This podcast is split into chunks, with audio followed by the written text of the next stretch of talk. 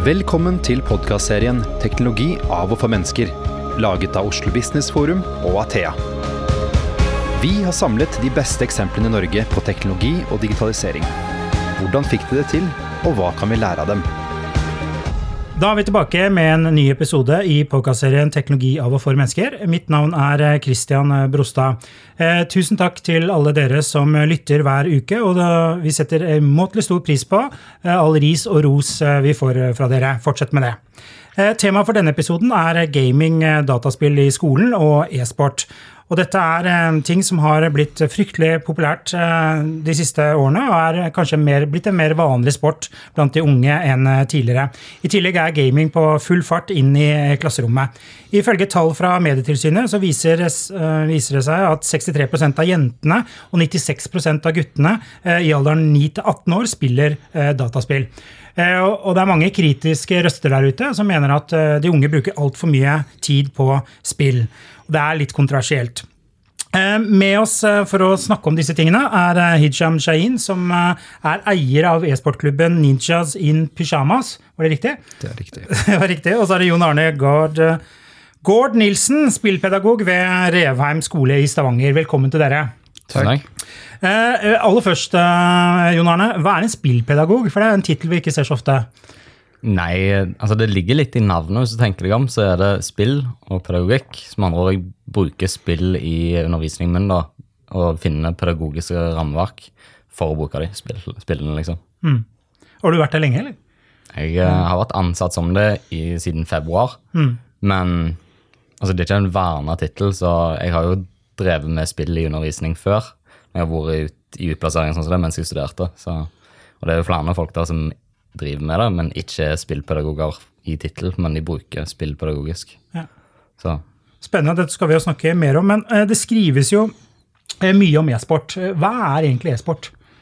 E-sport er gaming eh, i roten, men det er den competitive siden av gaming. Så e-sport vil jeg definisere som konkurranse innenfor spill. Eh, det kan være profesjonelt, det kan være semiprofesjonelt, det kan være uprofesjonelt Eh, og profesjonelt.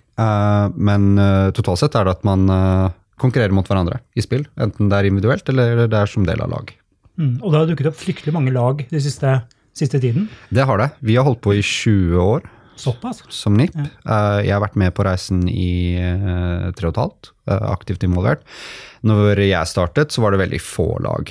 det er fortsatt veldig få lag på toppen som holder på med det her profesjonelt. men man ser en ekstremt stor tilvekst nedenifra, spesielt på grasrotnivå og hobbynivå. Så det er definitivt en, en bølge. og den tror jeg drives veldig mye av at spill har blitt kult. Tilgang til spill, vil jeg vel si. Infrastruktur på det. Og så har selve mediebiten og konkurransebiten blitt profesjonalisert. og fått betydelig mer omtale og eksponering enn den hadde for bare tre år siden. Og det har blitt sjukt populært. Det er, er, det derfor det, liksom, skolen også sniffer på det? Fordi at dette er noe ungdom driver med? Mm. Ja, altså vår, Vårt gamingrom på skolen er jo litt unikt i den sammenhengen. Vi har jo det som vi kaller for Revheim Einherjar-modellen. da. Og der Revheim er skolen, men Einherjar er e-sportlaget vårt som vi har på kveldstid. Så vi har en sånn sambruksmodell da, hvor dagtid så blir det brukt av skolen, og så fra fire til ni så er det e-sport. Og vi ser jo det at det, det tiltrekker seg ganske mange ungdommer. Det gjør det. Det er jo ofte de som ikke syns at fotball er det kuleste lenger. Og gjerne, spesielt i ungdomsskolen, dropper de ut av andre sporter så begynner de å spille, eller så spiller de fra før av og syns at ja, men det er godt nok dette. Men nå har jo lyst til å ha de fremdeles aktiv innenfor idrett. da. Så vi ser jo det at det er en del som blir tiltrukket til det. Mm. Og det er, jo, det er, jo, toppidrett. Eh, vi leser jo i media om at eh, de spiser godt og de trener. og Det er ikke sånn slaraffenliv i, i sofaen? Nei, det, det stemmer. Uh, tar du for tre år siden når vi uh, begynte den skaleringen og begynte å profesjonalisere det her, så så var det veldig den stereotypen av gamere man, man, tenker på. Spesielt når man tenker på kosthold og søvn og hvilke mm. tider de er oppe. Uh, men de siste årene, spesielt hos oss, så har vi fokusert ekstremt my mye på det competitive. Uh, og det inkluderer også ernæring, fysiologi, uh, søvn. Um, det er gjort en del forskning og på vår side en del testing på hva er det som faktisk bidrar eh, til å få utøvere til å prestere på toppnivå.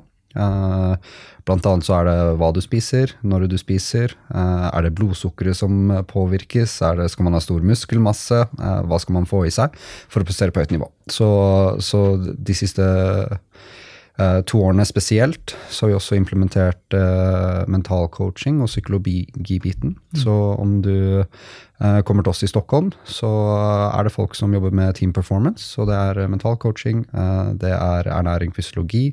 Uh, og så har du det strategiske, taktiske i spillet også. Mm. Så definitivt veldig annerledes enn det det var for uh, bare tre år siden. Mm. Men ser du det, altså, det er jo ikke bare i e-sport, du har jo bare en forbi sjakk. Altså Magnus Carlsen, som da Du ser at han ikke er en liten gutt lenger. Han har jo trent og blitt en stor mann. Det er ikke fordi det er så veldig tungt å bevege den sjakkbrikka nødvendigvis, men det er liksom det at du skal være fysisk og psykisk på plass for å kunne prestere på toppnivå, uansett hva idrett det er. Definitivt. Og for gaming så er det ikke muskelmasse. Jeg tror mm. det er eh, det som gir deg eh, best forutsetninger i gaming, og det vi holder på veldig mye på, er eh, blodsukkernivå. Mm. Og utholdenhet. Um, man må jo tenke på at en, om man spiller på profesjonelt nivå, så kan en match fort ta mellom én til fem timer. Sitter du da i femte timen, og du har sovet dårlig, du har spist dårlig, du er ikke veldig utholdende, ja, da, vi, da, er det ikke mye konsentrasjon. Det er på femte Nei. timen, og når du sitter der på det nivået du gjør på en stor scene, og det sitter 20 000 og ser på, og det sitter noen millioner og ser på på skjermen, ja, da, da påvirker det. Mm. Og det har blitt mye penger i dette også. Det å bli verdensmester eller vinne en tittel følger jo med mye penger. Hva er liksom årsaken til Definitivt. Du, om du ser på e-sport bredt, uh, og hva som har skjedd, så er det en del kommersialisering. Og det er spesielt uh, sponsorskap og rettigheter. Uh, medierettigheter har begynt å bli en inntektskilde for, for turneringer, organisasjoner. E-sport har komponenter som tradisjonell sport ikke har. Det er jo digitalt. Så det er en del inntektsstrømmer fra digitale saker som du kan kjøpe i spillet. Du kan kjøpe det når du ser på broadcast, um, som, som, har flyttet inn. Tar man uh, verdens største turnering uh, som har vært det hvert år nå, The International i Dota 2, det er en crowdfunding-løsning, og prispotten der er på over 30 millioner dollar. Uh, og det finansieres primært gjennom uh, et kompendium som selges i spillet, hvor du får tilgang på ulike saker i spillet. Um, så det er, en, det er, en, hel del ulike inntektsstrømmer vil jeg vel si, som har bidratt til dette. Det er ikke bare én sak. Men um, det som driver jo alt, er eh, oppmerksomheten og tittesifrene, mm. vil jeg vel si på det. Så det er, det er rotet, mens alt annet uh, Vi har begynt å finne ut av hvordan vi skal kommersialisere og konvertere det. Mm. Stavanger kommune, ifølge kommunen, da, mm. så er jo den skolen du jobber på, en av de første skolene i landet som har eh, etablert et eget eh, gamingrom. Ja. En av de første, da. Ja, ja. de har, de har sittet, litt, sittet, litt, mellom linjene, men i forhold til den maskinparken vi har, så er det jo et skikkelig gamingrom. Det finnes mange spill, altså noen mange rom som de kan spille i, men det er sjelden at de har et budsjett på en halv million for å kjøpe kun datamaskiner. Mm. Hvordan kom dette på plass, liksom? Hvorfor uh, Nei, det var jo det, var en, uh, det som skjedde, var at uh, det var en del som tenkte at spill, det var kult. Og så var det et idrettslag som fant ut at de trengte å få flere gutter inn i det. Det var et cheersportlag da, som driver med cheersport. Og så spurte de guttene sine hva, hva, hva er det dere liker å gjøre på fritida. Nei, det var to ting. Det var jenter, og det var gaming. Og det er litt sært når et idrettslag kommer og sier at vi skal skaffe jenter til dere hvis dere blir med. Så da var det mer den ja, ok, men gaming, det kan vi, det kan vi gjerne ordne. Så de, eh, de, tenkte at vi må få til noe gaminggreier. Og da kikket de på det e-sport og tenkte at dette må jo være veldig optimalt da, å begynne å drive med noe sånt som det. Og samtidig så var skolen min da, Revheim. De hadde fått noen midler gjennom et EU-prosjekt til å ansette en spillpedagog. Men de mangla noe å spille på, da, for å si det sånn. Så Stavanger Cheersport, som det heter, og Revheim skole søkte sammen til Gjensidige stiftelsen om 515 000 til å kjøpe maskiner for. det. Og da sa Gjensidige stiftelsen at det hadde de aldri hørt om engang. Det var jo uhørt å søke om så mye penger til noe sånt. Mm. Så det måtte vi få. Det syns de. For da er det jo i essensen da, så er det jo ungdommer som er engasjert fra klokka åtte om morgenen til klokka ni om kvelden hver eneste dag i hele veka. Og det var en god investering, da, syns de. Så derfor fikk de da midlene til å kunne kjøpe det de trengte for å bygge denne her eh, gamingrommet vårt på Revheim. Og så er det det store spørsmålet liksom, som eh, flere stiller seg. For det er mange som ikke skjønner hvorfor vi skal ha dataspill i, i skolen. Hvorfor skal det inn i skolen? Nei, hvorfor ikke? Ja. Altså, hvor, hvor lenge har vi holdt på med spill i menneskets historie, da, for å si det sånn? Spill har jo alltid vært en del av det vi holder på med, vår kultur, i en eller annen form. Om det er brettspill, om det er sjakk, om det er strategiske krigsspill. Altså for å trene opp militæret på 1800-tallet eller tidligere. Så det, det har alltid vært spill. Så jeg skjønner ikke hvorfor det ikke skal være en ting i skolen nå. Det er bare Spill er blitt mye større i samfunnet vårt nå, så jeg syns jo at skolen ligger gjerne 10 år, 20 år for seint. Når jeg vokste opp, så var spill en ganske stor greie. Og vi burde hatt introdusert allerede da, så vi ligger litt på etterskudd, vil jeg påstå. For sånn som du sier, så er det 96% av alle gutter og 63% av alle jenter. Det er et så stort tall med mennesker i den alderen at det er nesten, altså, du må anse det som et kulturelt objekt. Og kulturelle objekt har en plass i skolen. da. Og det blir en del av deres digitale dannelse å faktisk lære seg hvordan de skal håndtere spill. Lære seg hva som er god spilling, dårlig spilling. Og dra inn elementene fra e-sport. ikke sant? At skal du faktisk spille, så nytter det ikke å sitte hele natten, fordi du kommer til å spille dårligere og dårligere. dårligere. Du må ha et godt og sunt kosthold til det, og du må på en måte være reflektert overfor det. da. Det samme, kan du si, I forhold til det samme med mobiltelefoner nå, er jo en stor ting i skolen. Skal det inn eller ikke? Men en av de store argumentene for at det skal inn, er jo for at de skal lære seg å kunne bruke det på en god måte. Det samme gjelder for videospill. I tillegg til at det er en kulturell greie. så de, de bør jo på lik linje som de lærer seg å analysere Knut Hamsun og Henrik Ibsen og liksom de store klassikerne, begynne å analysere spill. Og i Norge så har vi lagt ganske gode spill opp igjennom. Og jeg har stor tro på at det, det kommer til å bli produsert enda mer gode norske spill. Så hvorfor skal ikke vi lære å analysere dem, når de har vel så komplekse historier som noveller og romaner og forskjellig? Hvorfor er det så stor eh, motstand mot dette? Er det fordi eh, liksom, det bildet vi beskrev i stad, at er, du sitter eh, på gutterommet og spiller, eller jenterommet og spiller, og så blir du slapp og sløv av det? Det er def definitivt en samfunnspersepsjon, vil jeg vel si. Uh, for meg, det du, det du beskriver, jeg, jeg, holder helt med. Uh, jeg husker når jeg gikk uh, på skolen, det begynner å bli lenge siden nå, men det var når vi hadde CRT-skjermer og sånn, og vi hadde IT som valgfag, og det vi lærte var å skrive tekst i word art. Uh, tenker at å bruke tiden sin på, på spill er kanskje litt mer nyttig. Uh,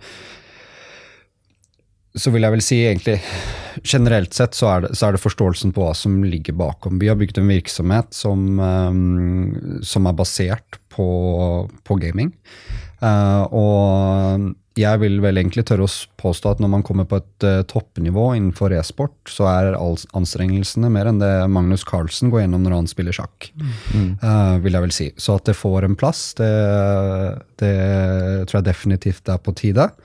Jeg tror uh, dog, når jeg ser på hvordan det har gått inn i skolene så langt, så er det vel kanskje mange som velger det fordi at det er et valgfag hvor de kan sitte og spille vil jeg vel si. Så det gjelder å få det opp på det nivået hvor det er en introduksjon til den verden her, for den verden er gigantisk. Det er en av verdens uh, største bransjer, om du ser på uh, TV-spillbransjen. Um, men også introdusere aspektene som har med hva det faktisk innebærer å bli dyktig i det. Uh, og da har du alt som ligger på det fysiologiske. Det er også en del saker og der jeg tror skolen har en veldig viktig rolle, er uh, oppførsel på nett. Uh, mm. Folk blir uh, helt andre personer når de setter seg foran en skjerm og ikke sitter ansikt til ansikt som vi gjør nå. Så på vår side, eksempel, initiativet vi har tatt, er at vi jobber med Friends i Sverige. Jeg vet ikke om dere kjenner til det, men Kjenner til serien? Det er serien, det er definitivt ikke serien. men det er da en stiftelse som, eh, som, jobber mot nettmobbing og oppførsel eh, på nett. Det er veldig lett å sitte på chatmedier og lire av seg noen gloser om noen er kanskje er litt tjukk og kviser, uten å vite mm. hvordan den andre personen ser ut, og folk tar til seg det.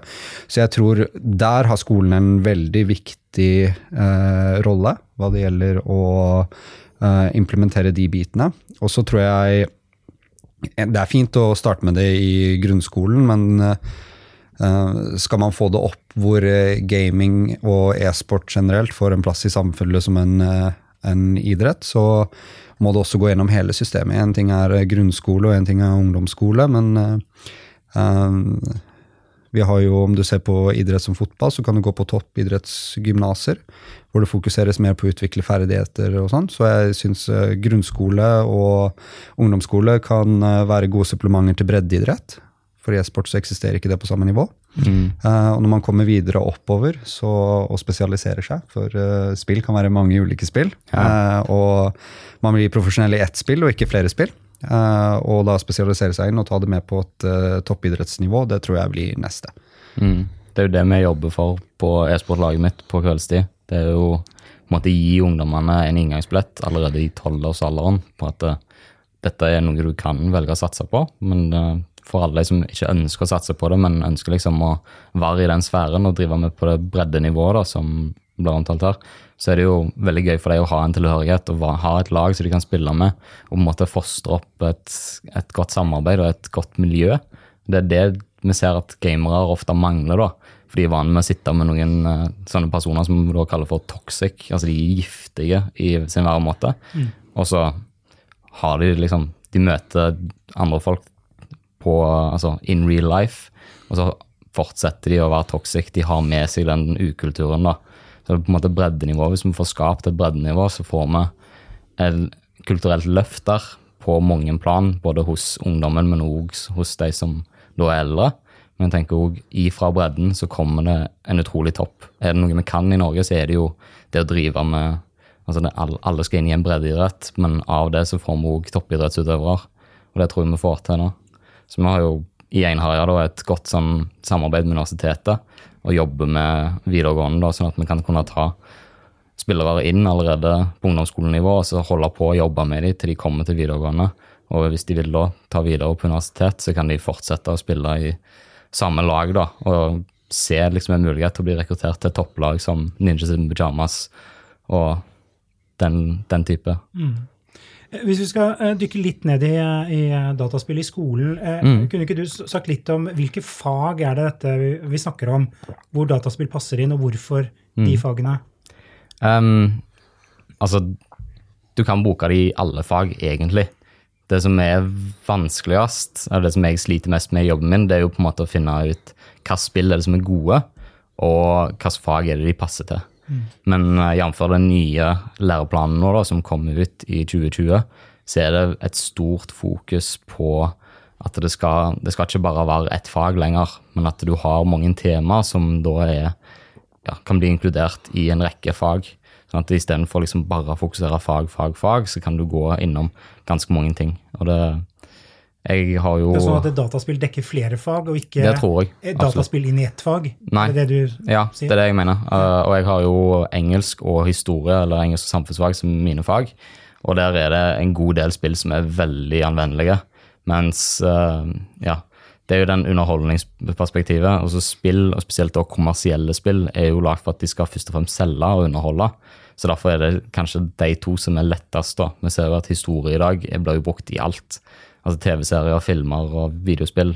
Historier har ikke blitt brukt så mye før, så det blir brukt den dag i dag. Og jeg tenker da er det ofte lettest å finne spill som passer inn i de emnene. Men uh, jeg hadde senest i går så hadde jeg en åttendeklasse som da spilte et spill som heter Assassin's Creed. Fordi de skulle, ha, de skulle begynne å spille Nei, skulle begynne å lære om den amerikanske revolusjonen. Og da har jeg sjøl opplevd når jeg gikk på videregående, at uh, ja, jeg satt og spilte dette her spillet her, og så var jeg på kaien i Boston og heiv te nede i sjøen. Og så kom jeg på skolen ei uke etterpå, og så skulle vi ha en Boston Tea Party. Så satt jo jeg der og rekte opp hånda og sa ja, men jeg har jo vært der, jeg har jo gjort dette her. Og det er der eh, spillets egenart ligger, da, i at du får en opplevelse. Fordi film er audiovisuelt, men det mangler det taktile.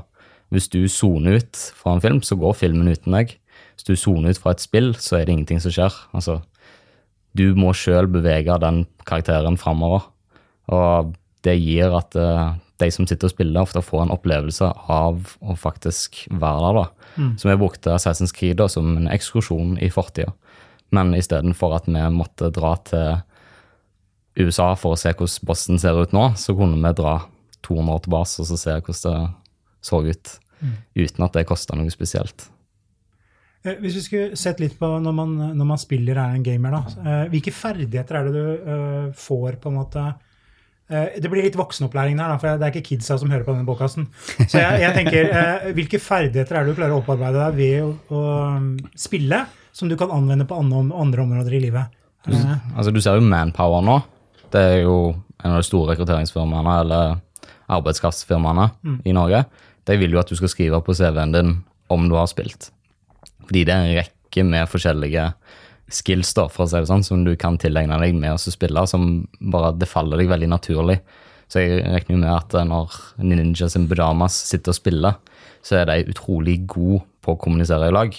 Og hvilken arbeidsplass er det som ikke tjener på å ha folk som klarer å jobbe i lag og effektivt kommunisere? Jeg vil ta og si at om du ser på Om jeg tar og bare visuelt ser for meg våre spillere skal bryte det ned på hva det er, så én en sak er at uh, kommunikasjon er ekstremt uh, viktig, og veldig klar kommunikasjon. Eh, og spesielt kommunikasjon i stressende situasjoner, og det skal gjerne gå litt eh, raskt. Du har Eh, vel to ser- minutter på deg i en runde? Eh, I Counter-Strike har du det, i Dota så tar det litt lenger. Da kan uh, det ta en time. Ja, ja. Uh, men uh, kommunikasjon spesielt. eh, veldig mye det vi jobber på om dagen, er egentlig konfliktløsning mellom personer. Uh, når du er i et lag, så er det veldig mange som har ulike syn på hvordan spill uh, skal spilles, og du ser at uh, profesjonelle spillere blir dyktigere og dyktigere på å komme frem til konsensus. Eh, de er ekstremt dyktige på å legge opp en plan og følge planen. Eh, og det jeg vil si når jeg observerer uh, de som uh, har til oss spesielt, ekstremt gode problemløsere. Så det, er at, definitivt et attraktivt sted å bygge opp disse tingene. Du vil også se at spillere veldig ofte For meg så er, kan spill være kunst, vil jeg Ja. vel si. Eh, og du ser at de som jobber med gaming, uh, det er et ekstremt kreativt miljø. Så du får uh, veldig kreative personer som kommer ut av det også. Så det er veldig mange interessante komponenter som folk egentlig ikke tenker på eh, når de ser på spill. Du ser jo det på Minecraft, som bare er en av verdens største spill. Men i seg sjøl er det jo ikke sånn at Minecraft har en historie å fortelle. eller noe sånt Så det. det er som regel en sandboks som du bare kan leke deg med. Og der har de holdt på nå, jeg tror de i elleve år, eller noe sånt, om ikke enda lenger, og bare lekt seg. Og det er fremdeles en av verdens største spill. Så det, det må jo si litt om denne her kreativiteten som du snakker om. Ja, definitivt. Jeg husker jeg hadde bare for et par uker siden så jeg hadde sittet og strevd med en Rubiks kube i jeg vet ikke hvor lenge jeg hadde hatt den på pulten min. Så kommer det en spiller inn, han plukker opp den Rubiks kuben og løser den på 30 sekunder. Altså, altså jeg følte meg dum. Jeg kan ikke Rubiks kube heller, så, men jeg, jeg ser det. Så, ekstremt god problem solving capabilities, iallfall. Uh, Men det går jo litt under den nye læreplanen òg, hvor liksom algoritmisk tenkning er det store. da. Men i seg sjøl så er algoritmisk tenkning det er, Alle spill er lagt opp som altså, en eller annen komponent for algoritmisk tenkning, for du har et problem. For å, for å løse det problemet så får du et sett med verktøy, og de verktøyene må du mestre for å komme til neste nivå. Og det vil vi da kunne si er algoritmisk tenkning. Det å kunne gå tilbake igjen, se hva er det jeg har foran meg her, og hvordan skal jeg løse problemet. Ofte gå tilbake igjen og se på det. Det er liksom det vi jobber med mye i matten, f.eks. 'Å nei, dette her er vanskelig. Ja, dette gidder jeg ikke å si det, da. Mens i et spill så er det 'Å, dette her er vanskelig. Jeg skal gjøre det til jeg får det til. Det er en eller annen sånn Det er egentlig det samme. Det er alltid et problem som du skal løse, men på en eller annen måte så er spill mer engasjerende, da. Det er flott for de som også sliter litt med mestringsfølelse og Mm. Ja, sånn, da. eh, og spesielt- og spesielt tålmodighet, vil Ja, jeg vel si. ja. Uh, Ja. Tar du liksom en uh, Ta Counter-Strike, da. Så vi med det. Tar du liksom og bryter ned en profesjonell match i Counter-Strike, så er det førstemann til 16, det er 30 runder, det er 5 mot 5. Uh, og tenk deg du sitter på en følelse hvor du har forsøkt å, å å, mm, å vinne runder. La oss si du ligger bakom eh, 10-0 mot det andre laget. Eh, Da er det ofte sånn at du, du tar en timeout, du setter deg ned og prater om hva du holder på med, hva som ikke funker, og så prøver du å justere på det og se om det funker sånn at du kommer, kommer igjennom. Og som du sa, det er to minutter, og en tactical timeout er 30 sekunder, så det er 30 sekunder på å løse. Eh, og, og det er den mestringsfølelsen du får. La oss si at du, Det kan ofte være sånn i Counter-Strike, ligger bakom 10-0, og du vinner 16-10. Mm. Og det som er så gøy å se på e-sport, det er jo en helt annen opplevelse å sitte og se på det. For det, det er sånn som du sier, 1 minutt og 55 sekunder, og så er den runden ferdig. Ok, men så resetter de det, og så begynner de på nytt. Og så tar de det videre derifra. Det er ikke sånn at ja, nå leder Liverpool 10-0. Da vet du hvem som vinner, mest sannsynlig. Men er det det i CS, så er det ok, things can still change. Det er vanlig at det er noen leder 10-0, liksom. Og fortsatt taper. Mm. Det, det rare her er jo litt eh, ikke sant, Dere har jo kasta på bordet en haug med fordeler. altså Ordentlige skills. Ja. Som jeg føler at du trenger eh, om du jobber i næringslivet eller i, i offentlig virksomhet. Da. Hvorfor, eh, alt, hvorfor den skeptis... Folk er skeptiske. Er det fordi at det er eh, gamle folk som, som eh, liksom tar beslutningen om man skal liksom ha dette inn i skolen eller ikke? Eller hva, hvorfor er det så mye myter rundt det her? Jeg tror det er en kulturell greie. Altså, det er Altså, det er noe som de kanskje ikke kjenner til. Og typisk så er det det du ikke kjenner til sjøl, det er du ofte litt redd for. ikke sant? Ting som er fremmed for deg, det er skummelt. Og samtidig så er gaming et teknologi, teknologisk fenomen. Uh, og tar du ser ti år tilbake, så kan jeg ikke si at eh, spill var kanskje det mest appellerende visuelt eller uh, konkurransemessig. Det er vel egentlig noe hvor kvaliteten har, eh, den har økt såpass de siste fem årene at, eh, at det er nytt. Eh, og folk eh, må få øynene, opp for noe nytt, vil jeg vel si. Så eh, tar du, gir det, tar du gir det tid, de som nå er 13, 14, 15, 16, eh, ta de når de får barn en dag. Så jeg tror den bølgen den, eh, den kommer til å Du kommer til å få et generasjonsskifte eh, rent eh, kulturelt for de som har blitt introduserte det her ganske tidlig. Mm. så når vi jobber nå, så fokuserer ikke vi så veldig mye på å konvertere eldre. Vi fokuserer veldig mye på de yngre generasjonene som kommer opp. For tar du 20 år fra nå, så er det høyst trolig de som kommer til å introdusere sine barn for spill. Mm. Men vi ser det jo allerede nå. Det er jo mange av de som har vokst opp med spill sjøl, som da var født på 80-tallet oppover, som Nei. har sittet og Jeg har, spilt. jeg har sett mange NIP-fans komme på match med sine barn, Ja. og de er ikke under 50.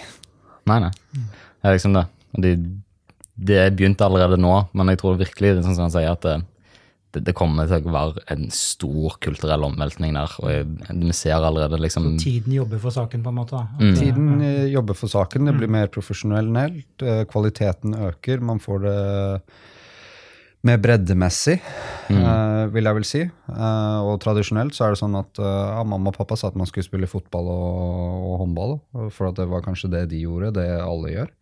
Eh, mens nå så eksisterer det en helt ny eh, plattform, som er spill, som, eh, som eh, har faktisk mindre inngangsbarrierer enn det fotball har.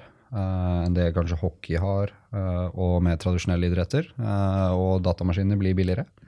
Mm. og de fleste har tilgang til det. Så, så den, eh, den omveltningen eh, kommer nok definitivt.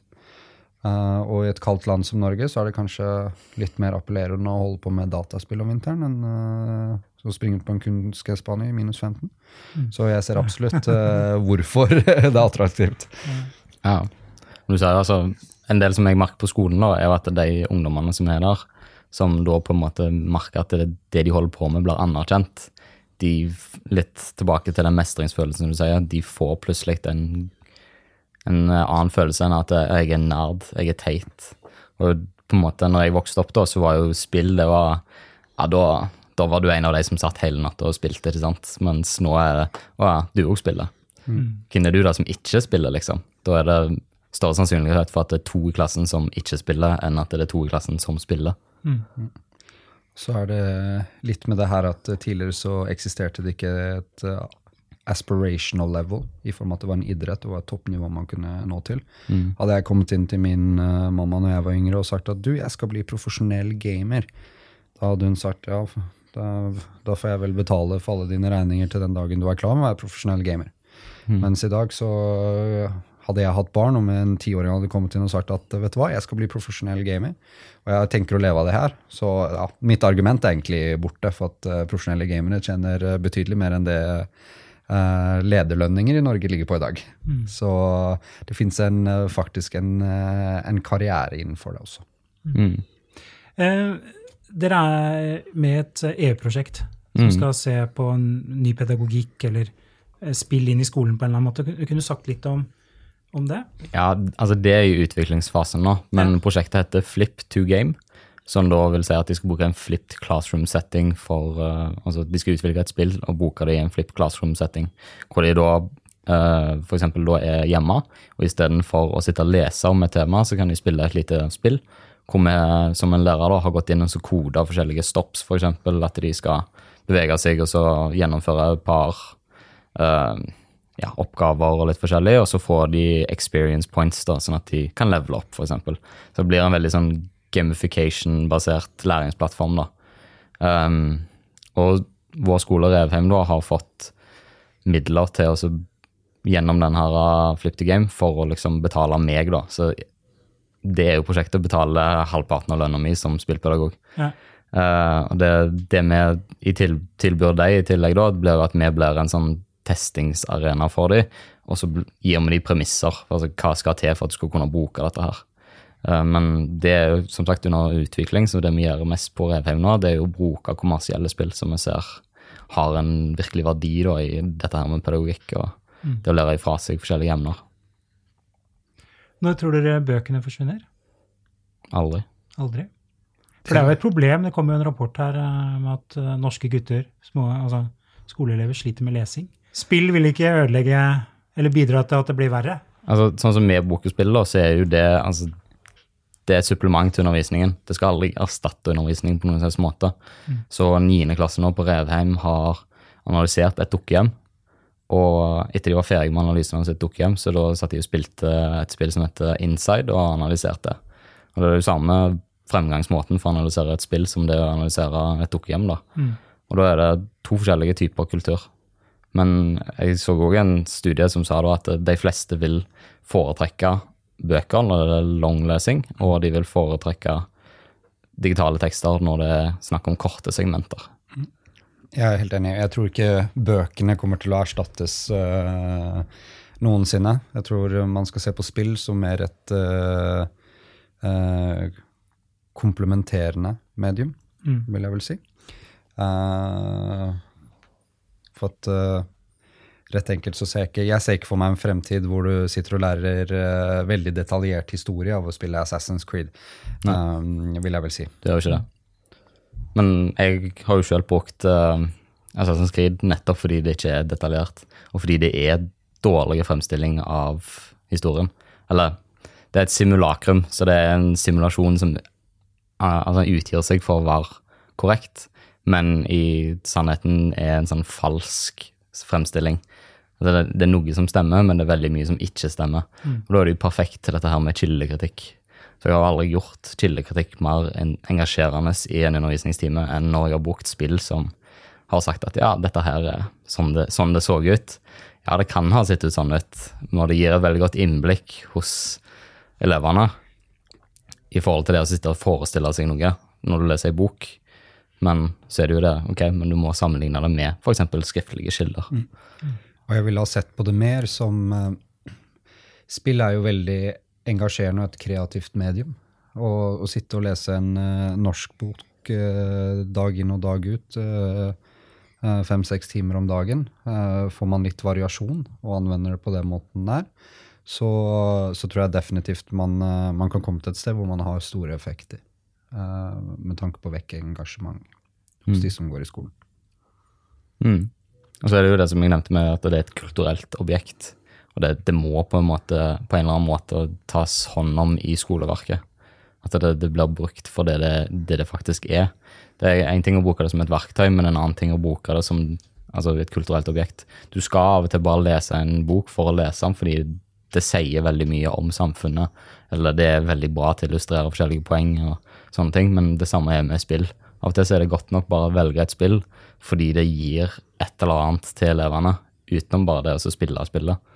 Og da, når du plutselig opplever hvordan det er f.eks. For, for flyktninger da, å oppleve krig, og ikke spille som en soldat, det, det, er en helt annen omveltning i forhold til det, hva du kanskje ville fått til med bok da, eller en annen type medie.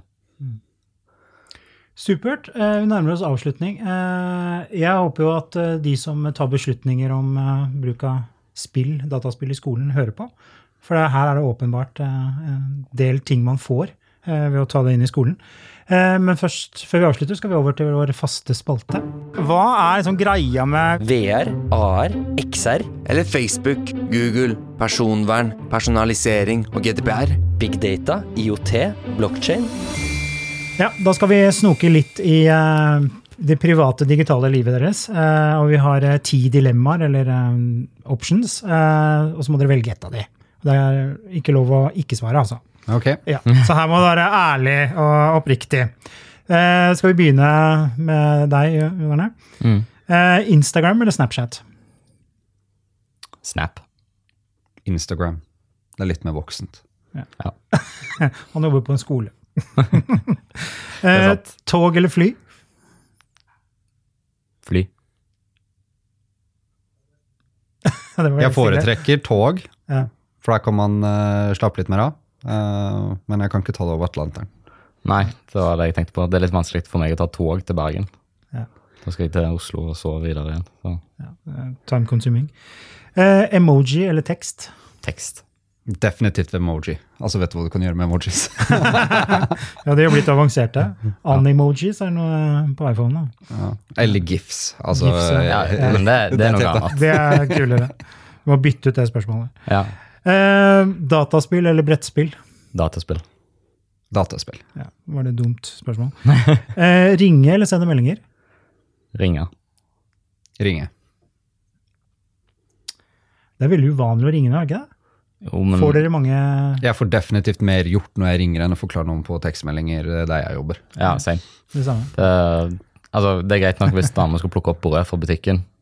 Det er en ting, men hvis jeg skal ringe til henne og forklare hvorfor hun skal plukke opp brød, og så hente meg, og så gå tur med hund, så sitter jeg ikke sånn som dette i to minutter. Eh, kort eller mobilbetaling? Mobilbetaling. Kort kort. Jeg har fått Apple Pay nå, vet du. Lagt inn alle kort. Ja, men jeg tror ikke på sånt. Tror du ikke på sånt? Nei. okay. Jeg har det til og med på min Apple Watch. Wow. Kan vise deg butikken etterpå. Ja. ja. Nå kan vi gå og kjøpe en øl. Det er jo helg snart. uh, Lineær-TV eller streaming? Streaming. Streaming. streaming. ja. Eget kamera eller mobilkamera? Mobilkamera. Eget, eget kamera. Er du fotograf? Hobbyfotograf? Nei, men Nei. vi har uh, veldig Vi har et ganske stort medieteam. Og det, jeg syns det er veldig fascinerende det de holder på med. Mm. Ja, absolutt. Men uh, du, tar, du har, ikke deg med deg? Nei, men det ser litt kulere ut å dra på et sperrefekskamera med gigantlinse enn å dra på en Du ser litt mer proff ut. det, det er sant, det skal jeg ikke se noe på. Da har vi to igjen. Uh, radio eller podkast? Podkast. Podkast. Mm. Siste. Uh, papirbok eller Kindle? Altså lesebrett. Papirbok. Papirbok. Ok.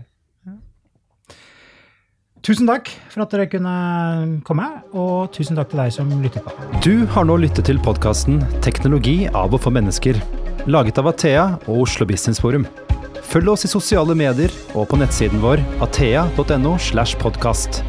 Vi setter utrolig stor pris på om du gir podkasten en vurdering i iTunes.